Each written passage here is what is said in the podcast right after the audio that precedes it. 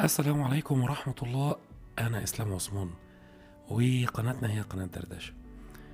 الحقيقة إحنا دايما آه، هندردش مع بعض كل يوم في ال business وفي أي حاجة تقنية تخص ال business وأي أفكار جديدة في ال business.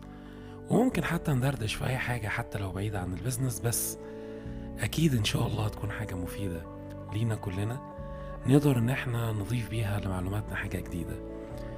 أهلا بيكم وأتمنى إن دايما أكون عند حسن ظنكم. واستنوني كل يوم آه، علشان ندردش مع بعض دردشة جديدة مفيدة.